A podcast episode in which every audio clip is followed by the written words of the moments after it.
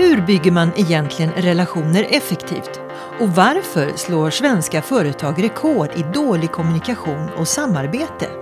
Ja, ingenting undgår en relationsexpert i Hjärntillskott med Lydia.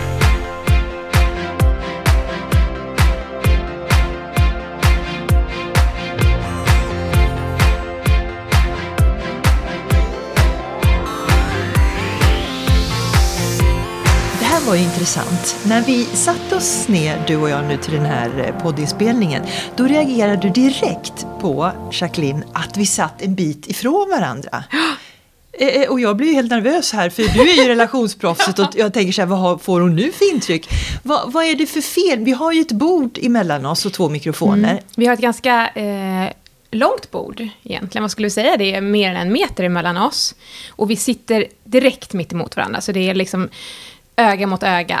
Det här är ganska upplagt för eh, hot och stelhet. Vi lär inte känna varandra så bra. Det, det är för mycket distans mellan oss. Jag måste hela tiden titta in i dina ögon. Så fort jag tittar bort blir det ett tydligt avbrott. Ja. Eh, och att just behöva sitta så här, det uppfattar hjärnan väldigt lätt i ett hot när det är en ny människa. Och du och jag har ju bara känt varandra i Några minuter. några minuter. Vi hälsade där nere, vi klev in här. Så instinktivt så gick jag ju och satte mig i stolen bredvid dig. Ja, där mikrofonen inte var. Där mikrofonen inte ens var. Jag tittade inte ens på vad mikrofonen var, utan jag ville sitta här. Eh, då hade vi fått en naturligare vinkel. Ja, men det är för att du är relationsproffs, Jacqueline Jo. Välkommen till podden, det var väl en bra snälla, start. det var en bra start. Och inte nog med det, eh, nu, nu jobbar jag lite grann här på första intrycket. Jag menar, om vi ska vara ärliga, både du och jag är ju ganska proffs på att träffa nya människor. Så man gör väl det där, man, man ler extra mycket, man är extra öppnande och välkomnande för att det ska kännas bra direkt för att vi har så lite tid på oss. Vi vet ju inte när vi ses igen. Nej. Och den här känslan på en tiondels sekund så skapar vi oss ett instinktivt första intryck av en ny människa. Och det är ju egentligen bara känsla vi går på. Är du en potentiell trygghet eller ett potentiellt hot? Så vi behöver ju le, vi behöver vara öppna. För att känslor smittar ju.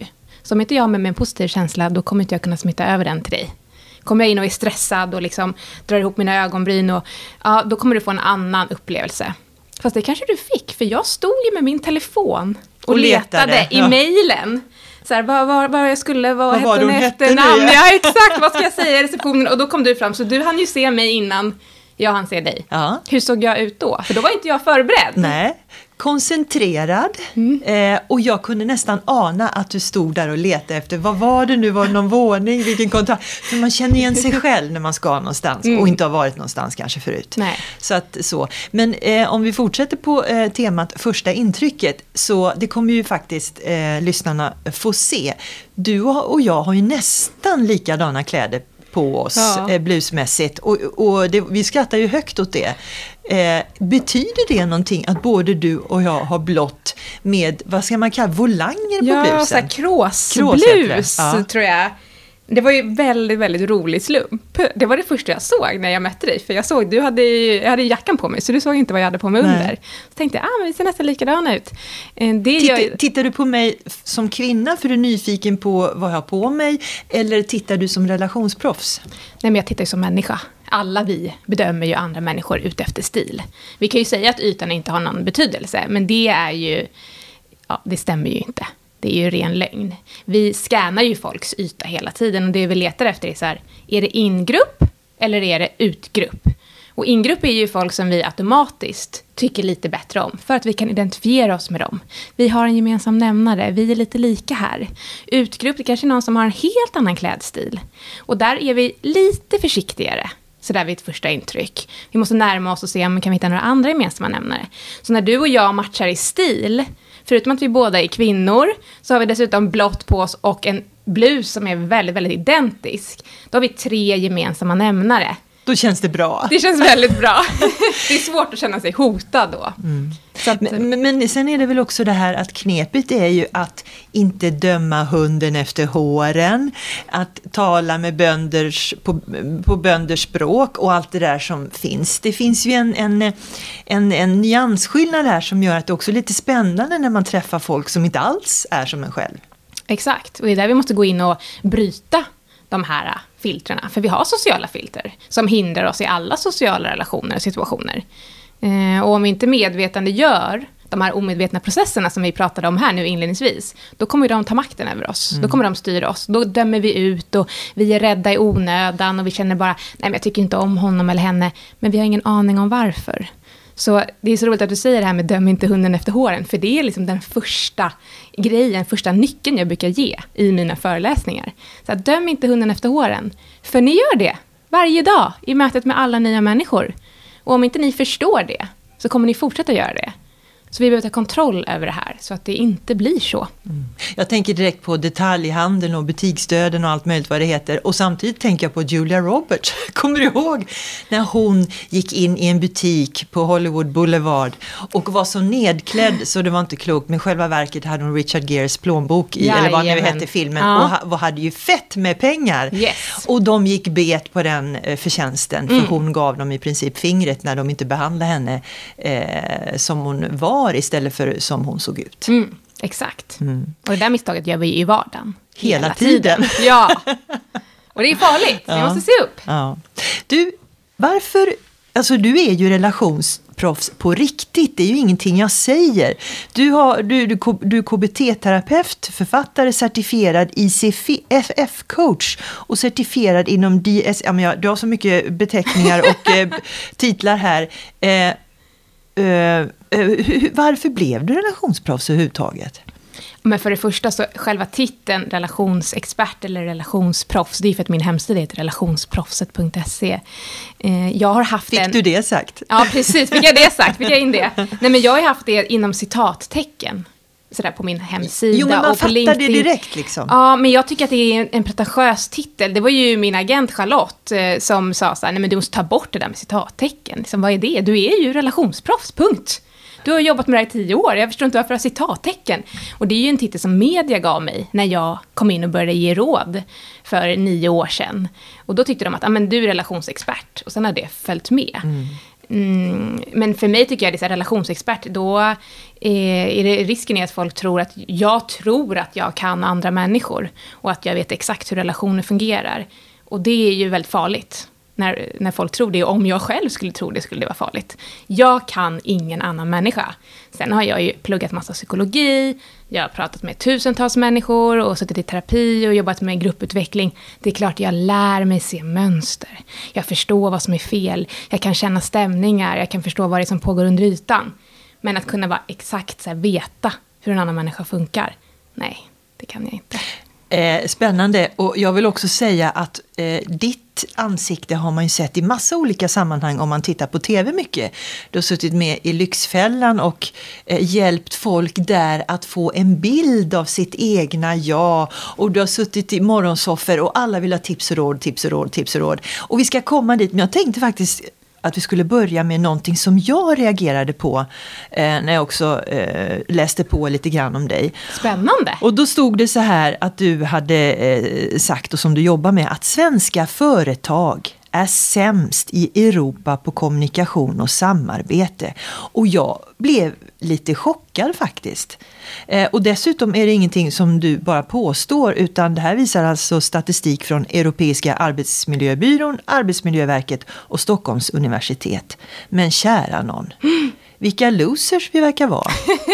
Varför är det så är det första jag vill fråga. Och stämmer det här för det första? Ja, fortfarande? de där siffrorna är ju från Europeiska arbetsmiljöbyrån, eller miljödomstolen tror jag. Eller. Det är i alla fall som våran, alltså som en europeisk variant av våran liksom, Arbetsmiljöverket. Mm. Eh, och Men sen, sämst, att vi ska vara ja, sämst. Och då var det ju 26 olika länder de hade gjort den här studien i. Och vi hamnade i topp i att vi är sämst på kommunikation och samarbete. Mm. Sen så låg vi... Vi är värst helt enkelt. Vi är värst. Mm. Men jag tror att det framförallt handlar om att vi är konflikträdda. Är det här något kulturellt skandinaviskt? Eh, för många som kommer från andra kulturer har berättat för mig att man blir lite svensk när det gäller det. Att man blir också lite konflikträdd. Det är ju märkligt alltså. Ja, men man anpassar sig ju till kultur och situation. Mm. Så det är klart att det, man blir påverkad av det. Det, på, alltså, det pågår så mycket. Du skulle bara veta, jag som har varit ute och du har säkert också varit ute i en massa olika grupper. Så jag har inte varit anställd på massa olika företag, men jag har ju varit i olika grupper på en mängd olika företag där jag försökt jobba med samarbete och kommunikation. Det pågår så mycket under ytan som ingen någonsin vill ta i. Mm. Och det är där vi måste börja gräva. För att om vi inte pratar om det som inte pågår under ytan, då kan vi inte ha en bra kommunikation ovanför ytan heller. Vi pratar bara om massa petitesser, massa småsaker. Konflikter handlar om sakfrågor. Men det är inte det som är grejen, utan det är vad folk känner. Vad folk saknar, vad folk längtar efter. Vad är det som inte funkar? Det är relationerna. Och där måste vi prata. Så jag tror att det är det som gör att samarbetet inte funkar heller. För vi är väldigt bra på att säga vad vi tycker och tänker, vad vi känner till någon annan än det, den personen som det faktiskt berör. Om det är någon som har sårat mig, någon som har varit dryg eller snäst av mig eller snott min idé på jobbet, då brukar inte jag så här, generellt då som svensk ta upp det med den personen, utan jag går till min kollega och skvallrar lite och får lite stöd och sen klagar jag lite så kanske jag möjligtvis säger något till chefen men man vill inte vara så jobbig liksom. Och sen så, nej jag tycker inte så bra om den och då tycker inte min kollega bra om den personen heller. Och sen så blir det liksom en enda rundgång av negativitet. Istället för att liksom börja med det jag kallar för ärlig kommunikation. Så här, vänta, vad hände? Varför sa han så till mig? Vad kände jag då? Mm. Nej men nu måste jag gå och fundera på det här. Och sen går jag tillbaka och säger, du det där du sa i mötet jag upplevde det så här. Hur upplevde du det? Och ta den diskussionen. Det tror jag vi är väldigt dåliga på i Sverige. Jag är lite tyst här nu för att jag tänker efter och får sådana här flashbacks på massa situationer mm.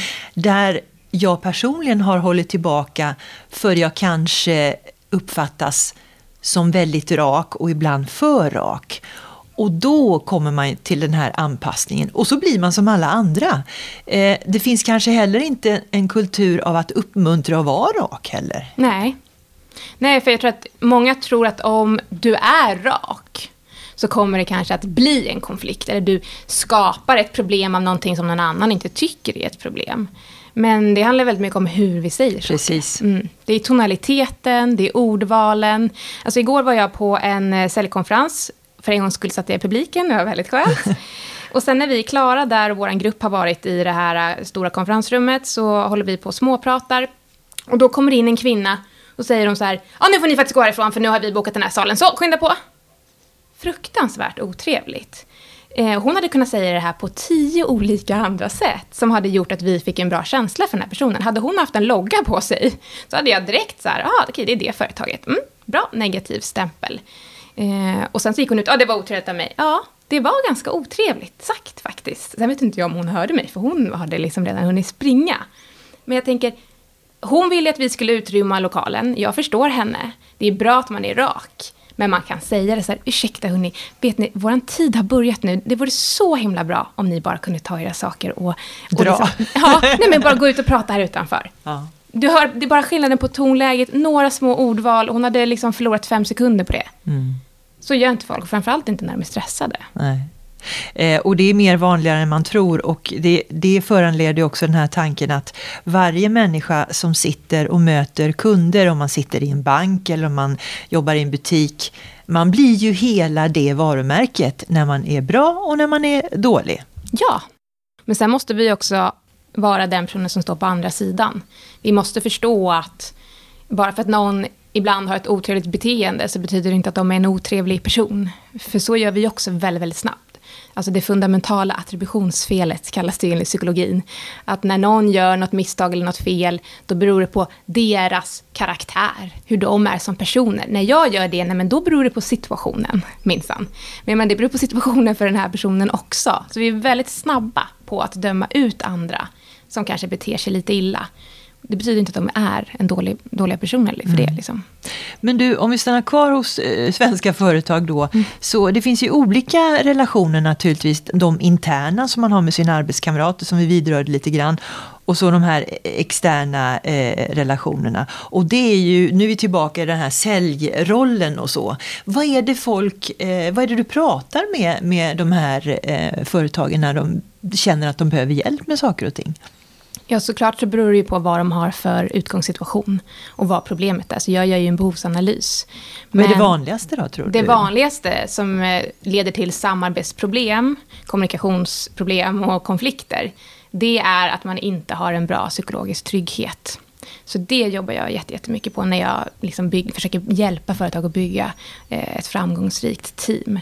Och psykologisk trygghet, det kommer från Amy Edmondson, eh, Harvard University, en professor där, som har visat att det vi behöver göra är att vi behöver känna oss känslomässigt trygga inför vårt team eller vår grupp. Och det innebär att jag vågar ta en risk. Jag vågar räcka upp handen och ställa en fråga och säga så här, förlåt, jag hänger inte med. Är jag den enda som inte fattar den här agendan eller det där ordet? Det handlar om att eh, våga uttrycka idéer, inte tycka att men det är väl ingen som tycker att min idé är bra. Våga ifrågasätta på ett bra sätt, våga säga mina åsikter, men också våga be om hjälp våga erbjuda med hjälp när jag ser att en kollega ligger lite pyrt till här innan deadline.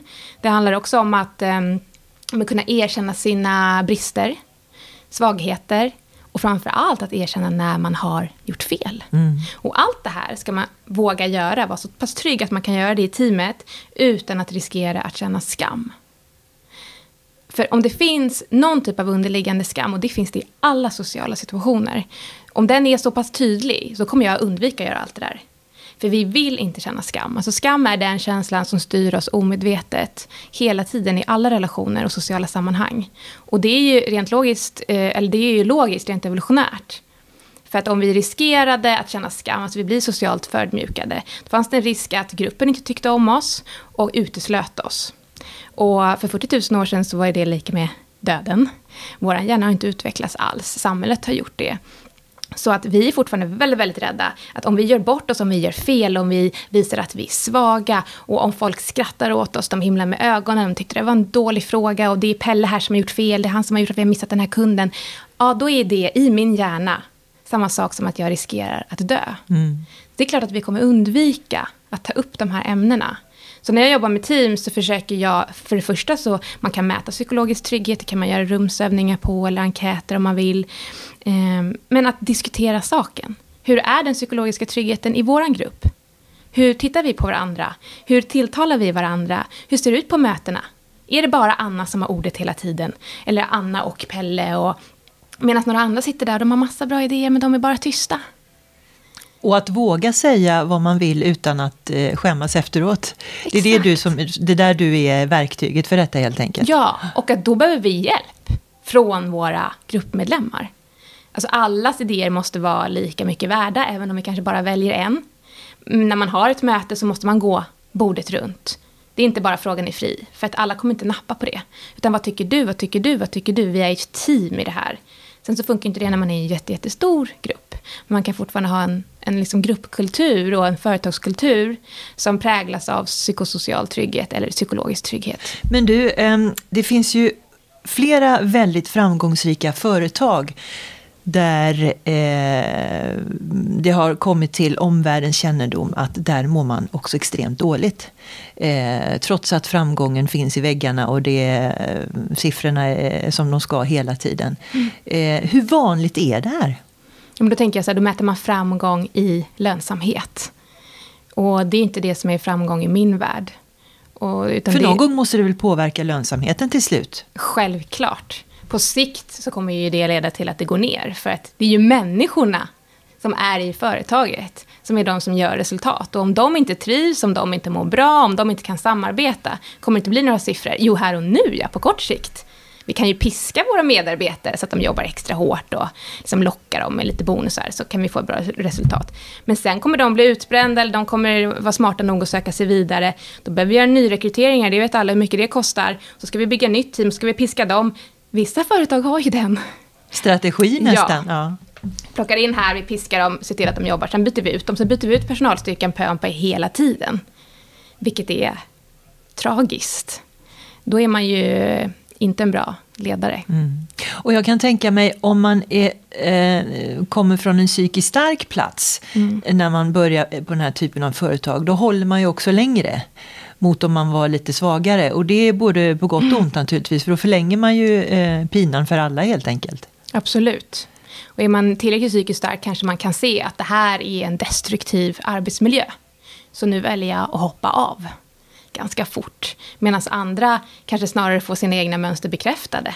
För de kanske kommer från en sån familjesituation till exempel, så att de trivs ganska bra i det där destruktiva. För det här känner jag igen, det är bekvämt, så jag liksom tuggar på här några år till. Och sen så kanske jag plötsligt en dag blir allvarligt sjuk, och jag kan bli fysiskt sjuk också. Det kan ju, man kan få psykosomatiska tillstånd. Så att jag har varit så pass psykologiskt pressad att jag börjar utveckla fysiska sjukdomar. Och så kan man inte göra kopplingen. Jag har ju haft klienter som har sökt till mig som har haft eh, grov ångestproblematik och haft det ett tag. Och sen så som terapeut så försöker man ju alltid lokalisera och identifiera när började det här? Har det alltid varit så? Eller fanns det en brytpunkt? Och när eskalerade det? Hur ser din vardag ut? Och det finns ju många tillfällen, framförallt här om man jobbar som terapeut i Stockholms innerstad, där det är äh, ångesten kommer egentligen från arbetsplatsen. Det har inte funnits någon ångestproblematik innan man jobbade där. Utan det är typiskt, man har en chef som beter sig oförskämt, eh, som till och med mobbar sina anställda. Man har ett team som inte har en stark psykologisk trygghet, eh, som också har en mobbingkultur, fast det är ingenting som är liksom öppet. Mobbing är ju någonting vi håller på med på dagis, säger folk. Vuxna mobbar varandra hela tiden, fast subtilt. Liksom eh, fryser ut och pikar och bjuder inte in och har massa är det, olika Är det ett storstadsfenomen? Eh, du säger Stockholm, ja. nu är vi ju i Stockholm ja. faktiskt, men eh, kan det vara så? Är det storstädernas eh, press och miljö som gör detta eller varför samlas det just, just koncentrerat där? Jag tror att det är jättesvårt att svara på. Jag tror att det finns på alla företag, såklart, i hela landet. Sen så, storstäderna är ju mer konkurrensinriktade kanske. Att många kommer till storstäderna för nu ska jag slå mig fram och jag ska ha toppjobbet. Och många av de större bolagen kanske ligger där. Så att det samlas en viss typ av eh, personlighetstyper som bygger en viss kultur. Men jag vet inte, jag tror att... Jag, jag tycker nästan att det finns alltid någon någonstans som förpestar för sina kollegor. Och jag brukar säga det när jag föreläser, tänk på att du och ditt humör och dina känslor och ditt beteende är dina kollegors arbetsmiljö. Så sant. Hela tiden mm. måste vi tänka så. Du, det här med eh, relationer handlar ju också om social kompetens. Och det började man ju prata intensivt om på senare år. Och vad är social kompetens i modern tid? För det tycker jag har varierat lite grann. Ja, och det råder lite så här eh, allmän begreppsförvirring kring Berätta. just... Jag, jag får ju höra oerhört många saker som jag brukar säga, det är bara myter. Många sammankopplar social kompetens med personer som är väldigt utåtriktade, alltså sociala. Folk som kan prata om eh, vad som helst med vem som helst, som kan bjuda på sig själva, som kan skämta och vara sådär socialt populära, ta plats och våga uttrycka sin åsikt. Och kan kastas in i vilket mingel som helst. Ja, du vet, de är proffsminglare, de är jättebra på det här med kallsnack det är ju inte socialt kompetenta personer. De är extroverta de här personerna. Och de kanske får energi av det här. med social kompetens, det är ju egentligen att kunna anpassa sig till en social situation. Att kunna känna in. Okej, men vad är det här för stämning? Vad är det här för person? När är det läge att ta ett kliv fram och göra sin röst hörd? När är det läge att faktiskt bara andas, inte säga något, släppa fram andra, lära sig pick your fight, allt är inte värt att tjafsa om. Och det, det där är ju en känsla, någonting som man bygger upp. Plötsligt insåg jag att som förälder måste man ha väldigt mycket ja, social kompetens. Jag tror säkert att den där ökar med åldern. Och det har visat sig att som social kompetens, det handlar om hur du fungerar i sociala samspel såklart. Och kan du då mentalisera som är mitt proffsområde som jag har skrivit en bok om. Eh, och det handlar egentligen om att byta olika perspektiv. Då har du eh, en bättre social kompetens. Det räcker inte som förklaring, Jacqueline. Nej, jag vet. jag visste att du skulle säga så. Mentalisering. Ja, vad är det? Ja. Egentligen så är ju det en, eh, ett psykologiskt verktyg. Ett sätt att tänka. Och man kan förklara det som att man ser sig själv utifrån och andra inifrån. Så det handlar om att eh, dels försöka förstå sig själv, men vänta, jag måste stanna upp. Hur kommer det sig att jag reagerar och agerar så här? Vilka tankar, känslor, behov, tidigare erfarenheter påverkar mig i den här situationen? Vi vet ju att saker som jag varit med om kan göra att ah, den här situationen blev så otroligt stor för just mig. För att den påminner om någonting. Och det behöver vi förstå. Det handlar också om att kunna se sig själv utifrån andras uppfattning. Okej, men hur uppfattade folk mig nu när jag snäste av dem? Som den här kvinnan igår som jag pratade om. Hon sa i alla fall på vägen ut så här, ja, jag kanske var otrevlig. Då har hon i alla fall någon typ av hum, hum om att så här, ja, de kan ha uppfattat mig otrevligt. Ja, det var ju ett plus. Jag tänkte säga, men det var, där vann hon lite där, för att ja, hon är inte helt ute och cyklar. Eh, och sen den sista delen då att kunna sätta sig in i andra människors perspektiv. Alltså kliva i deras skor. Hur känns det att vara Lydia egentligen? Mm. Hur kommer det sig att Lydia nu snäste av mig? Handlar det här verkligen om mig? Eller handlar det egentligen om henne? Mm. Hennes tankar, hennes känslor, vad hon är för state of mind just nu.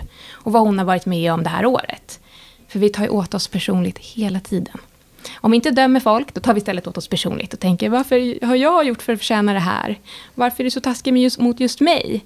Okej, men jag råkade kanske bara vara där just då. Alla har ju någon, liksom en ryggsäck de kommer med och det är ju lätt att glömma bort och tro att allting handlar om en själv helt enkelt. Ja, vi blir så otroligt eh, självcentrerade och tänker att eh, nej men det, det, det är någonting jag har gjort och vi sitter och ältar och vi kanske till och med får dåligt samvete.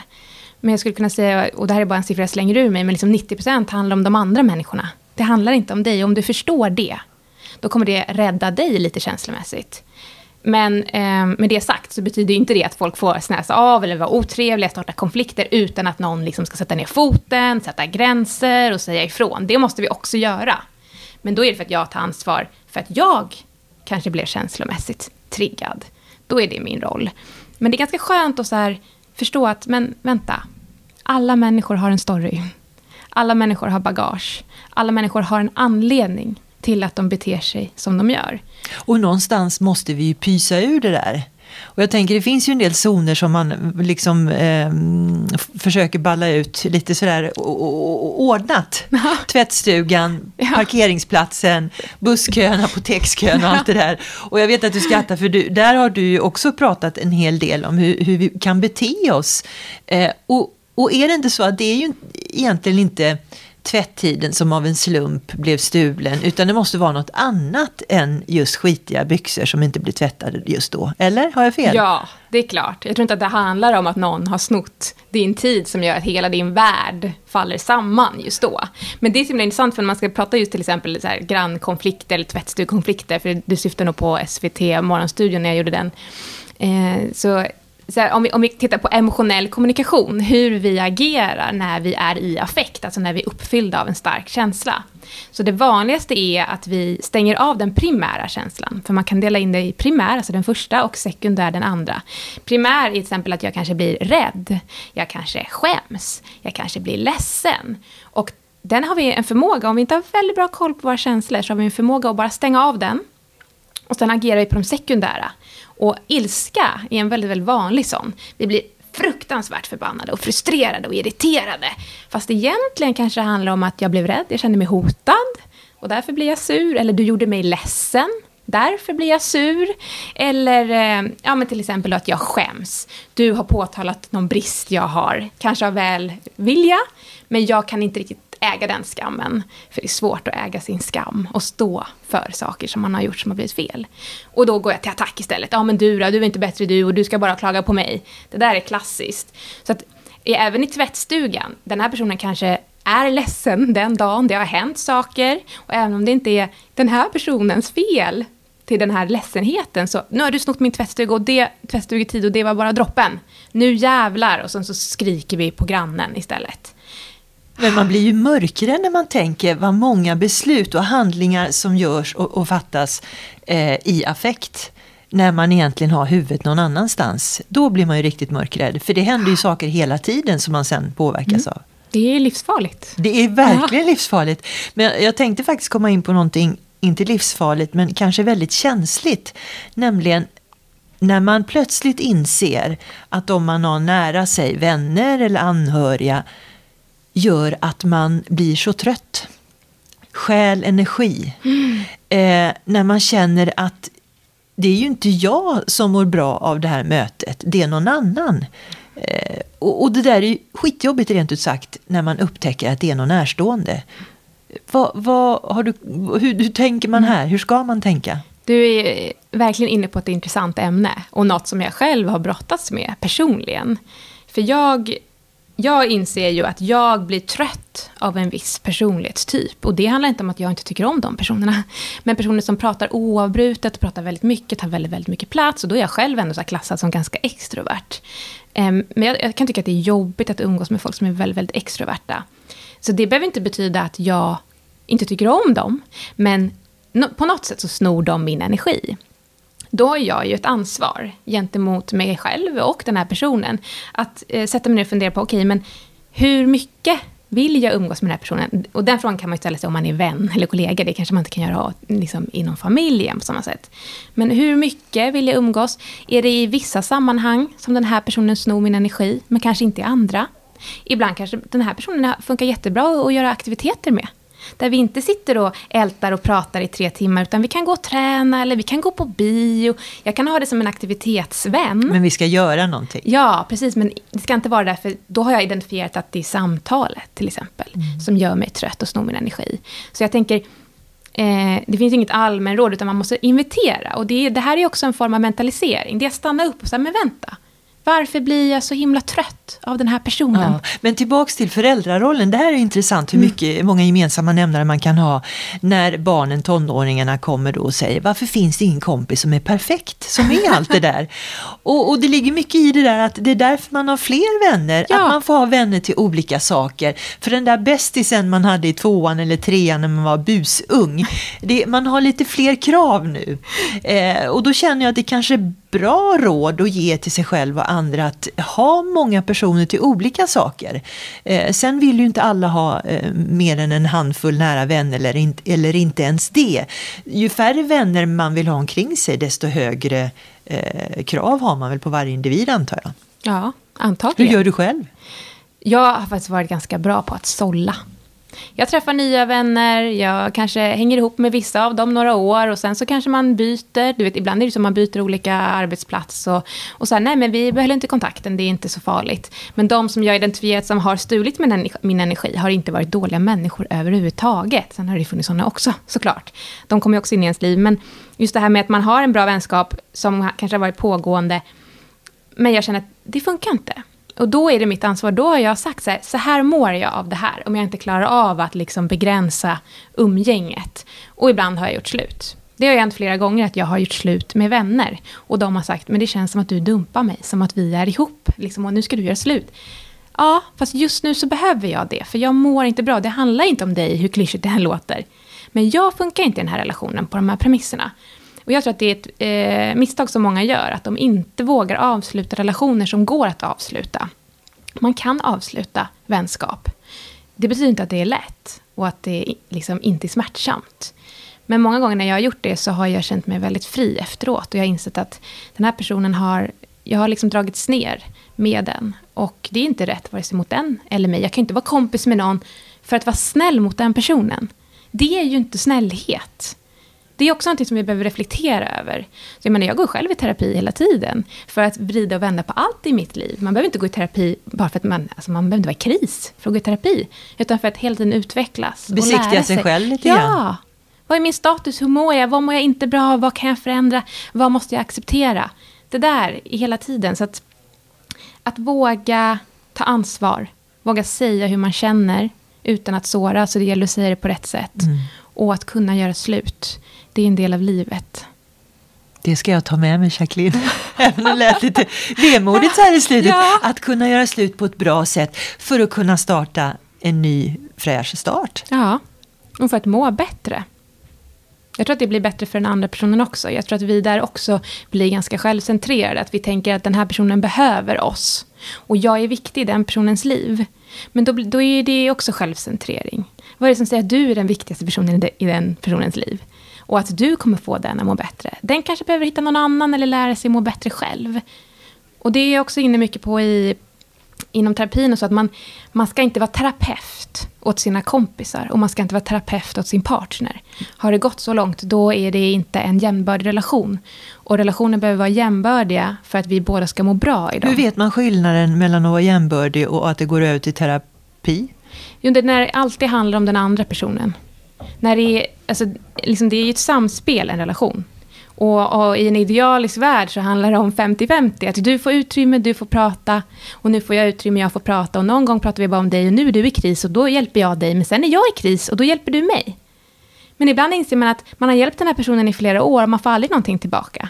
Och nu är jag i kris och du ställer inte upp för mig. Nej, men då känner jag att det här är inte en jämbördig relation. Och då är det ingen idé att vi längre är vänner. Och Det låter jättekrast, men det är ett beslut som har kommit kanske under flera års tid. Jag riktigt ser framför mig hur de som lyssnar börjar rensa i Facebookflödet där. Det ligger väldigt mycket i det du säger. Hoppas bara de som eh, blir eh, avslutade förstår anledningen till det. För eh, det kanske är så att de själva sen dumpar någon annan på något annat håll. Och så rensar vi i byket lite grann. ja, och, men eh, det kanske inte alltid är så att de behöver förstå. Alltså ibland behöver man inte säga 100% allt man känner heller. Och att de ska komma till insikt och de ska förstå. Utan ibland kanske man sårar någon annan. Men man, man måste ändå ta ansvar för hur man lägger fram det. Och att man gör det på ett schysst sätt. Och sen om någon blir sårad, då får de ta ansvar för det. Vi kan inte hela tiden gå in och ta känslomässigt ansvar för andra människor. Det här är ett vanligt kvinnoproblem, skulle jag säga, som jag har sett i min mottagning. Det är att vi blir väldigt överanpassningsbara och det är också en förvrängd mentalisering.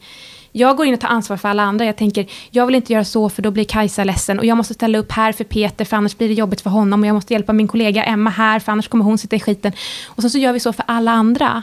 Och jag vill inte tacka nej till den här festen för då kommer det inte bli bra och jag tackar ju nej sist. Och det är att gå in och ta känslomässigt ansvar för andra människor. Alltså ditt ansvar är att ta känslomässigt ansvar för dig.